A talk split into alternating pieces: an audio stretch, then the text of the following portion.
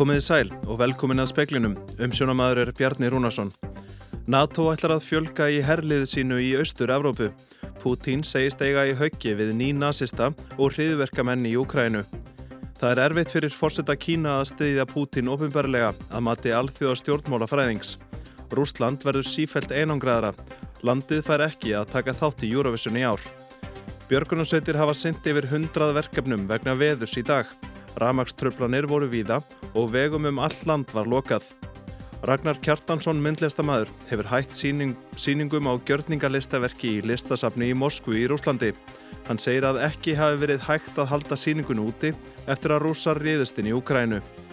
Landsbítali var í dag fariður aftur upp á neyðarsteg, sama dag og allar samkominntakmarkanir voru feldar úr gildi. Rúsneskir hermenn eru komnir að kænugarði og Vladimir Putin rúslandsfórseti hefur skipað þeim að koma stjórnvöldum þar frá völdum. Putin segist eiga í höggi við nýnasista og hriðverkamenn í Ukrænu. NATO ætlar að fjölga í herliðið sínu í Östur-Európu. Þetta kom fram í máli Jens Stoltenberg, framkvæmda stjóra Atlasafsbandalagsins fyrir skömmu. Innræðs rúsa í Úkrænu hefur nú staðið í á annan sólarhing.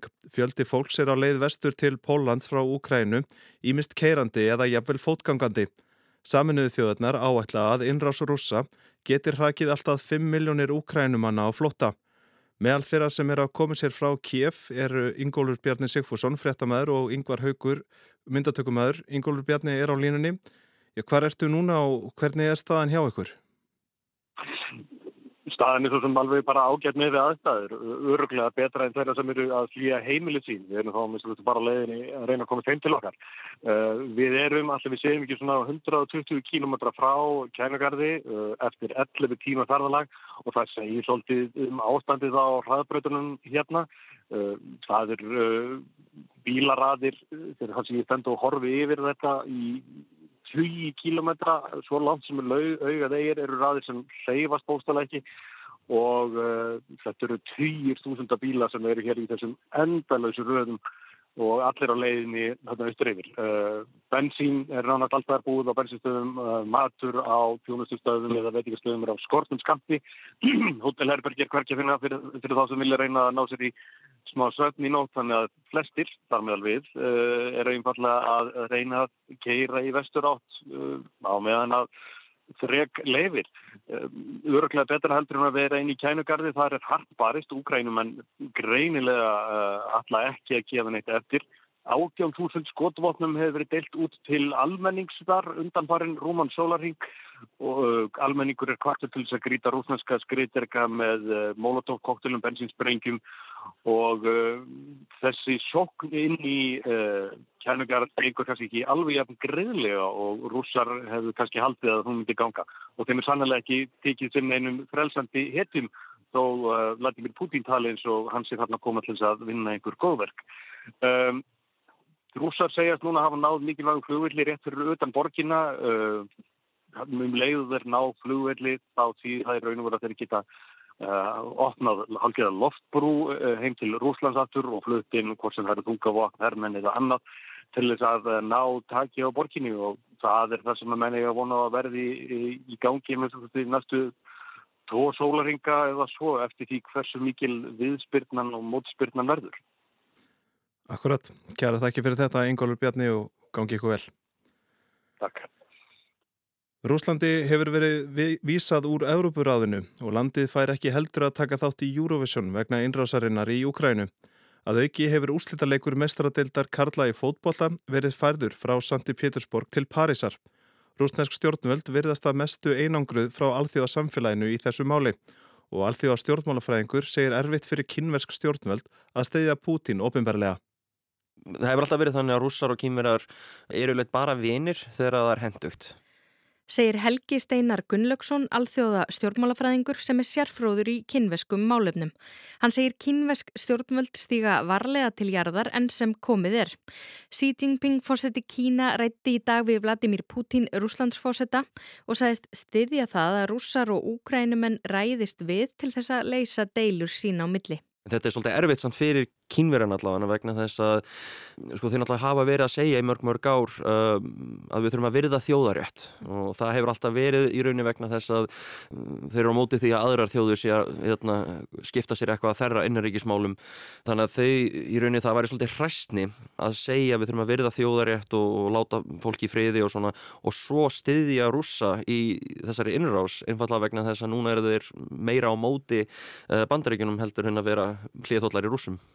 Forsetar Sýrlands og Kvítarúslands hafa hins vegar líst því ofinbarlega að þeir styðji Pútín.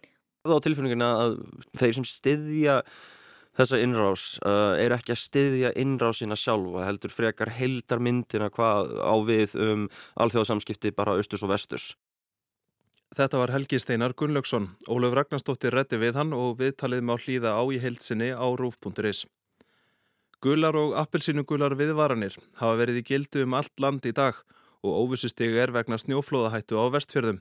Vegum hefur víða verið lokað og miklar rafmakströflanir voru síðdegis vegna óviðusins og eldinga. Fólk var þess varta rafmagn flögti nokkru sinnum rétt fyrir klukkan fjögur í dag.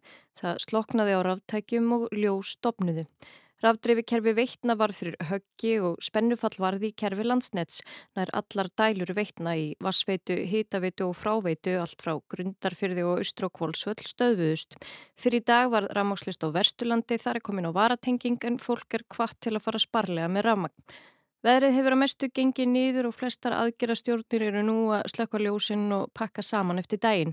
Björgunarsveitir stóði í ströngu í dag og syndu yfir hundrað útköllum, flestum á höfuborgarsvæðinu, Suðunusum og Vesturlandi.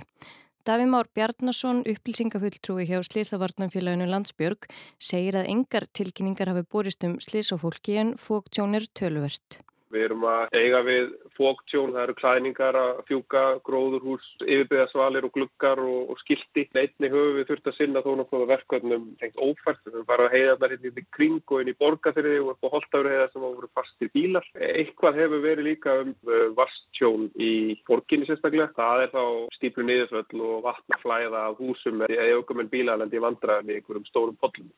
Stálgrindarhús við Dórahellu í Hafnafyrði sprakk og brak úr húsinu fauk á ógunnar hraða í allar áttir. Tölverð hætta getur skapast í aðstæðum sem þessum. Lauruglan lokaði fyrir umferðum hverfið og bað fólk að halda sig innan það.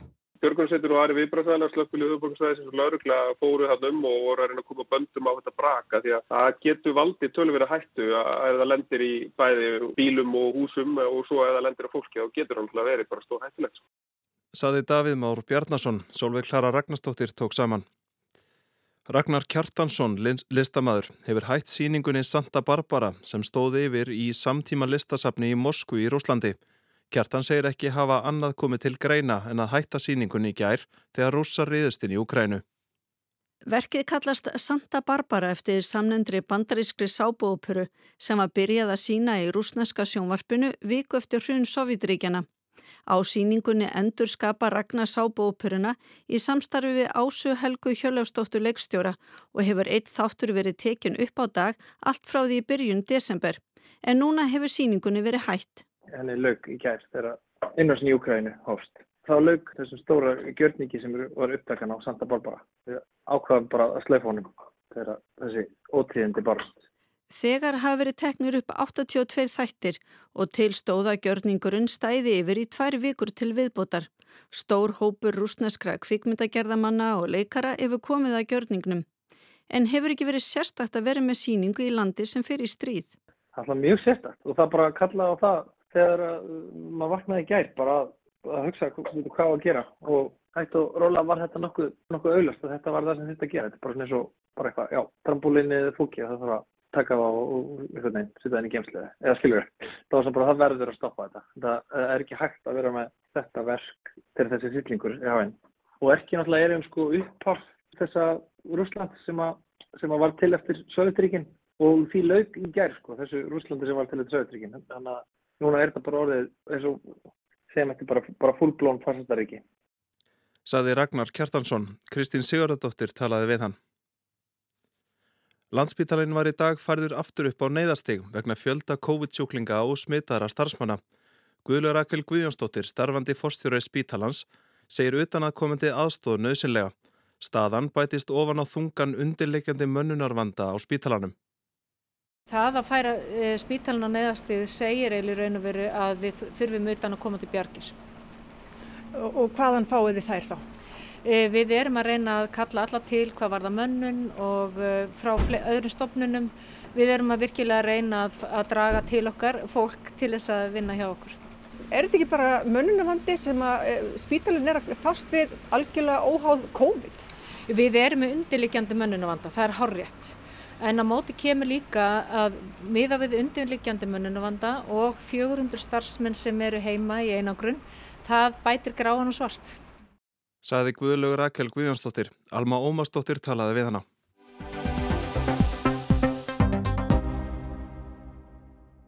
Nú er úmur einn og halfur sólaringur síðan Pútín Rúslandsforsiti fyrirskipaði her innrás í Úkrænu. Vestrænir þjóðarleitóar eru samhljóma í að fordæma framferði rúsa og það var eining meðal íslenskara þingmanna og alþingi í gær. Harðar efnahags refsiaðgerir gegn rúsum hafa verið ákveðnar en duga þær. Það eru konar í speilin, og Mist Einarstóttir, þingmaður sjálfstæðisflokksins og nendarmaður í utanengismálanemnd og Helga Vala Helgadóttir, þingflokksformaður samfélkingarinnar og varaformaður Íslandstildar Þings, Öryggis og Samunustofnunar Evrópu. Rúsneski herin nálgast kænugarð höfuborg Úkrænu, 2000 Úkrænumanna er á flóta og reyna að komast til nágranna landa í vestri. Hvernig sjáu þið þá stöðu sem að þarna er uppkomin? Helga Vala. Já, hún er auðvitað alveg rosaleg. Það hefur verið mjög sjokkarandi að fylgjast með bæði beinum lýsingum af vettvangi og bara öllum fréttum, bæði hér heima og erlendis. Það sem að maður hugsa auðvitað fyrst og fremst um er allur þessi almenningur. Það því að lífið heldur auðvitað áfram og lífið er með öllu því sem að tilheyrir. Fæðandi konum, fólk sem er í miðjun ámi, fólk sem að óttast um fullorna ættinga sína og allt það það er almenningur sem að tapar alltaf í svona stríði. Dýrjá. Já, ég bara tekundi þetta. Þetta er auðvitað uh, heimsögulegir viðbröð sem við erum upplifað hérna. Alvarlega ógn við öryggi í Evrópu. Ofbóðslega átakalegt að fylgjast með frettaflutningi og myndefni frá þessu svæði.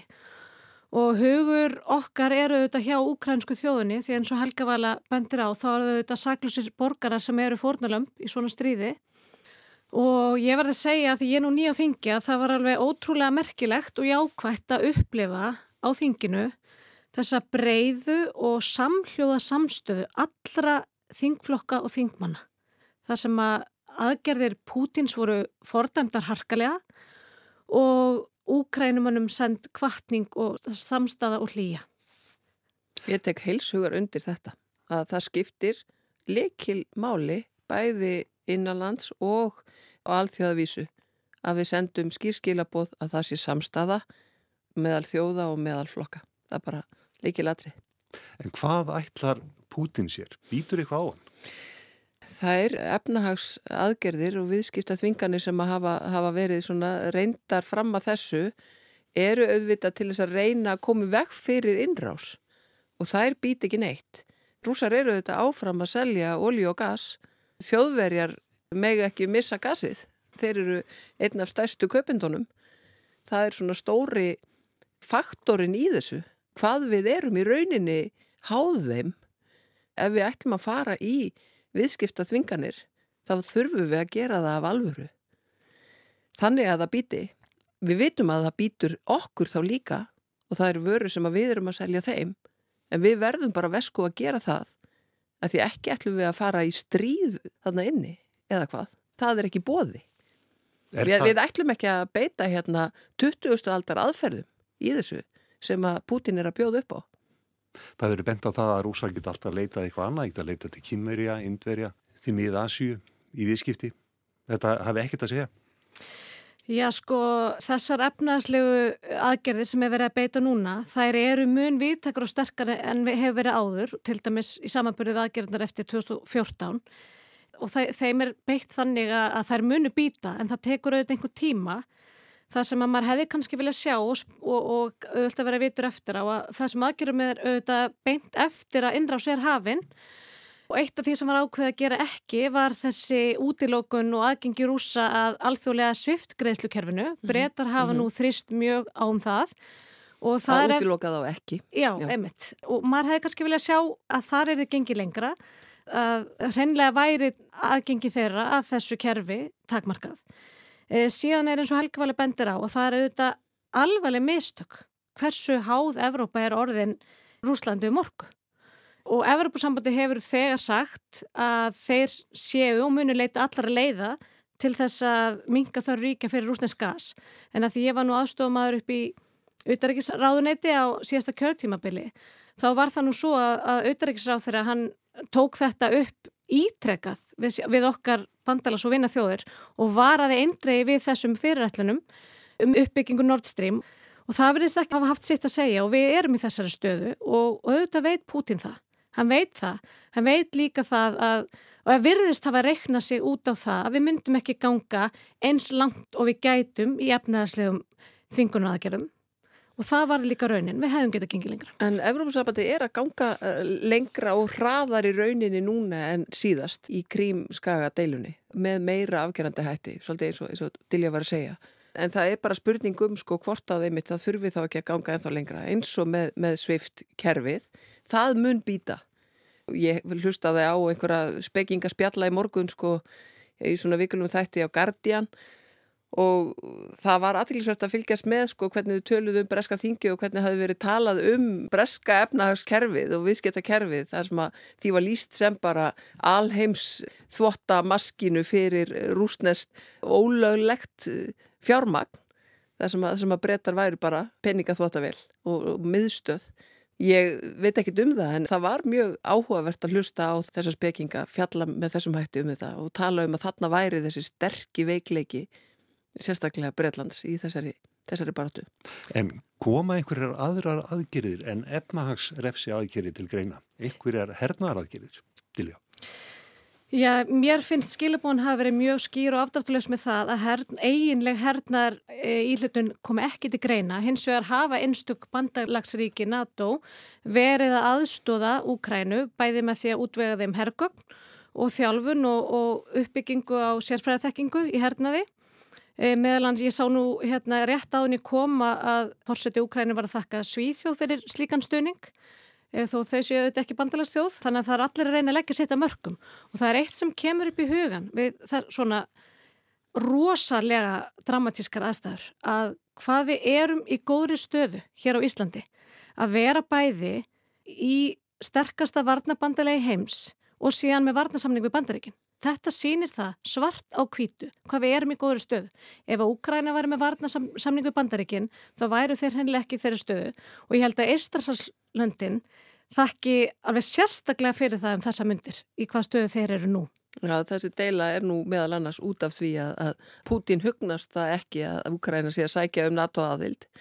Ef að hann hefði virkilega viljað að Ukraina bakkaði með þá ætlun sína, þá hefði hann væntalega rætt það inn á einhverjum fundi en ekki farið með það hlaupandi út á tork af því að Ukraina eru þetta fullvalda ríki og það er ekki engin önnur þjóð sem að skipar þeim til og segir þeim við hverja þeim með að vera í, í samskiptum eða samningum og, og hverja ekki.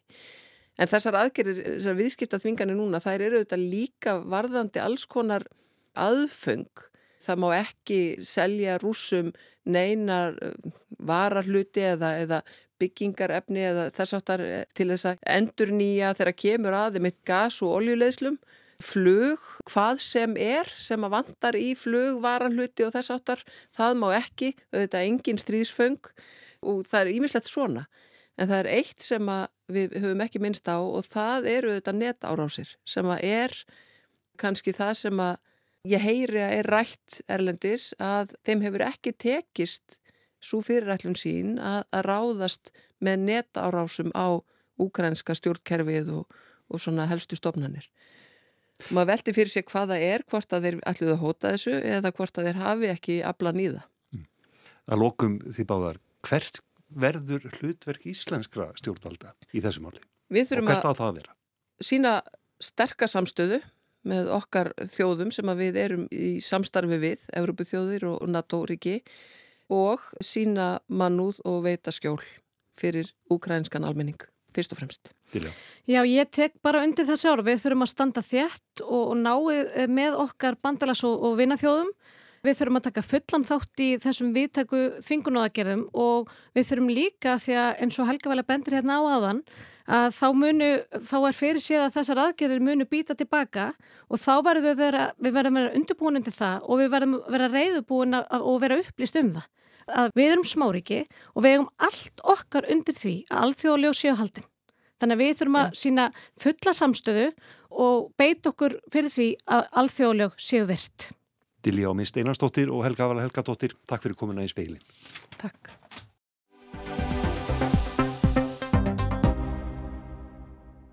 Öllum takmörkunum var aflétt á miðnætti, bæði innanlands og á landamærum.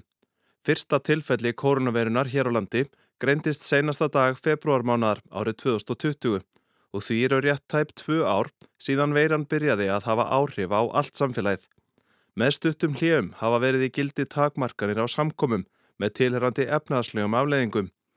En nú byrtir yfir, þó svo að rauður dagur hafi verið í kaupöllum heimsins í gær vegna innrása rúsa í Úkrænu. Speilin rætti við Björn Berg Gunnarsson, deildastjóra greiningar Íslandsbanka og spurði fyrst hvernig þessi tvö ár yrðu farið í efnahagslegar sögubækur.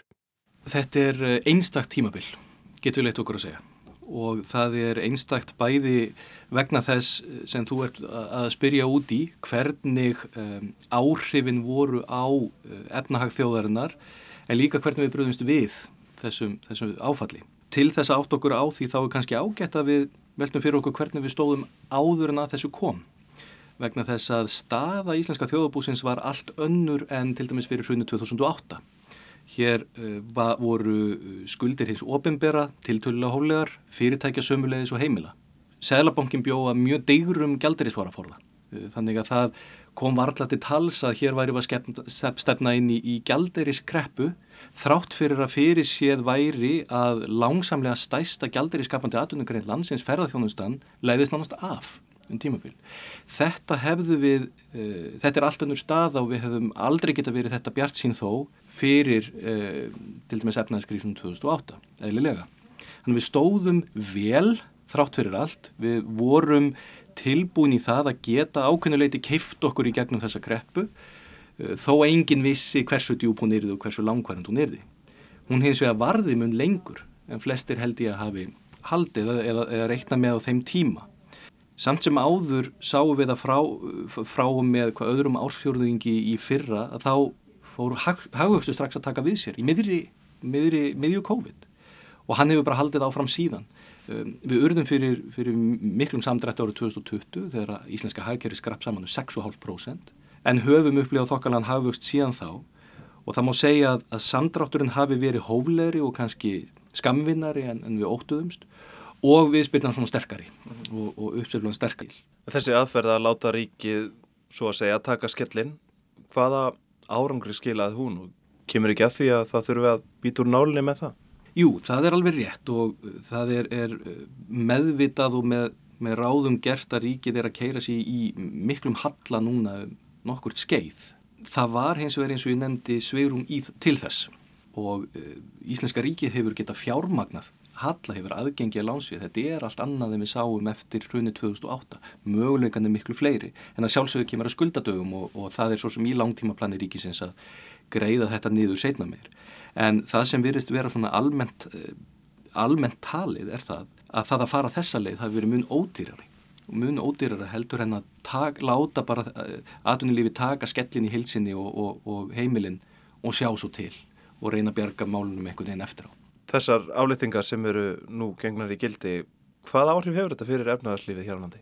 Þetta kemur til með að hafa mjög mikil áhrif, auðvitað varðandi e, þær greinar sem að hafa orði fyrir mestu höggi og þessari krísu hefur verið mjög miskipt. Eh, Hagvöxtur í Íslandi hefur, hefur verið þokkalögur undarförinu. Kaupmáttu launa hefur aukist hressilega meðan COVID hefur staðið, sem er mjög óvinnulegt.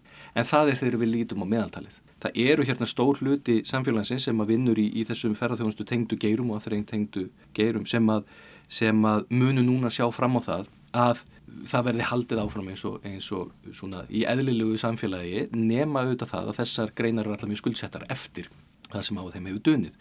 Eh, það sem er ákvæmlega jákvæmt ef við horfum á dagatalið er það að við erum þó að aflita þetta snemma á árinu.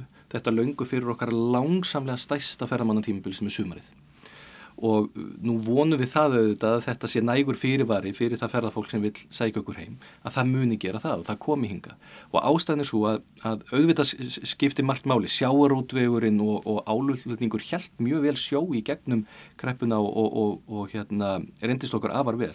En ferðarþjónustan er svo gríðarlega stór útflutningsgrein stiður svo vel við krónun okkar, er svo vel atvinnuskapandi og er orðin eina fórsendun þess að við getum haldið þeim lífskjörun sem við höfum vanist hér á Íslandu undarförnum árum. Auðvitað sér maður bjart sín út um allt núna vegna þessa í ferðarþjónustunni en uh, velgengni ferðarþjónustu í sumar og, og yfir á næsta vetur mun hafa áhrif á okkur öll, til dæmis vonandi með sterkari krónu, hjanandi verbulgu, bættu atvinna ástandi og svo framvegs. En er alveg viðbúið að fólk treysti sér til þess að leggjast í ferðarlög strax á næstu vikum? Það er auðvitað stóra spurningin og uh, það sem heyrist innan úr greinin er að sværi sé já það sem reynslan sínur okkur meðan á COVID hefur staðið er sömuleiðis jákvægt. Þegar hér byrti til eh, um skamman tíma að, að sumri til þegar öllu var afleitt og við heldum að þetta væri nú bara búið sem við munum eftir á sínum tíma þá komu hinga til lands miklu miklu fleiri ferramenn en okkur hefði spáð.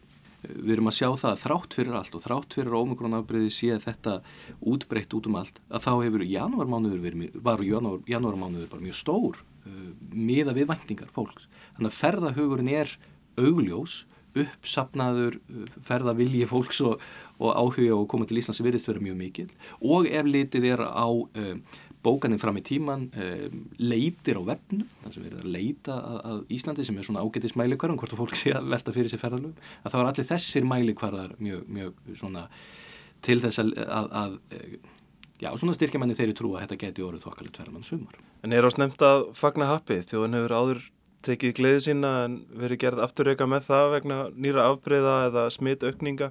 Er eitthvað ástæði til að óttast það? Að sjálfsögðu, já, vegna þess að við höfum alveg séð áhrifin sem, að, sem það hefur haft þegar við höfum þurft að stíga nokkuð skreið tilbaka. Hins vegar er gama þegar við rifjum þá sögu upp að með hverju bakslæginu sem við fengið, hvert skipti sem hert hefur verið á og takmarkanar hafa verið auknar, þá hefur hafa áhrif á enganislu almenningsorði minn og minn og minn í hvert skipti við erum að sjá það að, að enganeysla í dag er meira hún var fyrir COVID.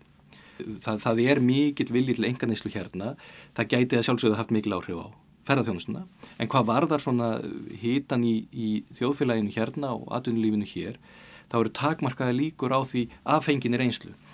Í þessi skipti sem við, við höfum verið færð heim í, í, í einhvers konar lokanar inn í herbergi og fjarfundi og eitthvað slíkt, þá höfum við ekki dreyið mikið úr neyslunni. Heldur hefur hún í rauninni haldist nokkuð svona, eða, eða áhrifin verið minn og minn í hvert skipti við höfum í rauninni þá bara verið að panta meira á netinu en við erum samt að neyta og enga neysla hefur að hluta til og þetta fleitt okkur í gegnum þetta og komið í vekk fyrir að uh, höggi verið meira en það, það hefur verið. Heldur að við upplifum aftur viðlika tíma eins og við höfum upplifað senstu tvör Auðvitað er engilega að vita það en það sem við lærum á þessari kreppu er hvernig við getum undirbúið okkur undir þetta.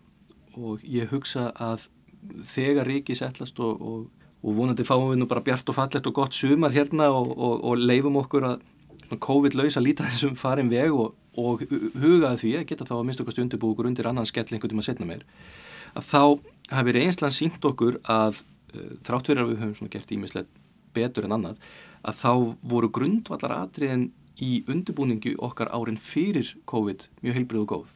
Þessi gildi að hafa svigurum fyrir áfall sem við svo sannarlega höfðum ekki til dæmis fyrir efnaðsfjörðin 2008 að hafa það sveigurum að heimili fyrirtæki og hefur ofnbæra geti tekið á sig tímabundið. Að hafa krónuna ekki eina ykkur staðar út á ballarhafi heldur að, að verja hana með mjög digrum og góðum og sterkum gældirisvaraforða að Sæðlabankin geti stutt við með, með einhverjum áhrifum eða einhverjum aðgerðum. Þetta verður allt saman reynst okkur það vel að, að þetta er einn, einn lærdómur sem við draugum að þessu tímabili öllu og svo auðvita ímislegt annað sem, að, sem við höfum lært svona þegar farið yfir, yfir þetta alls saman. Það sem er hins vegar og maður vonar er það að við tökum okkur tíma í að draga lærdóm að þessu öllu saman. Það er ekkit útilokað að endur takja sig einhvern veginn að setna og mikið getum við verið þakklátt fyrir það að þetta fór ekki verið. Saði Björn Berg Gunnarsson, lítum stöðlega til veðusalokum. Viðvaranir vegna veðurs eru að renna sitt skeið með kvöldinum norðan og vestanlands. Í kvöld snýst í allkvassa sunnanátt með skúrum eða slittugjæljum. Hitti 0 til 7 stygg. Sunnan og suðvestanátt á morgun, viða 8 til 15 og skúrir eða jél, en bjart með koplum norðaustanlands. Heldur kólnandi, vakt frost annað kvöld. Fleirar ekki í speiklunum í kvöld. Tæknimaður var Mark Eldredd, veriði sæl og góða helgi.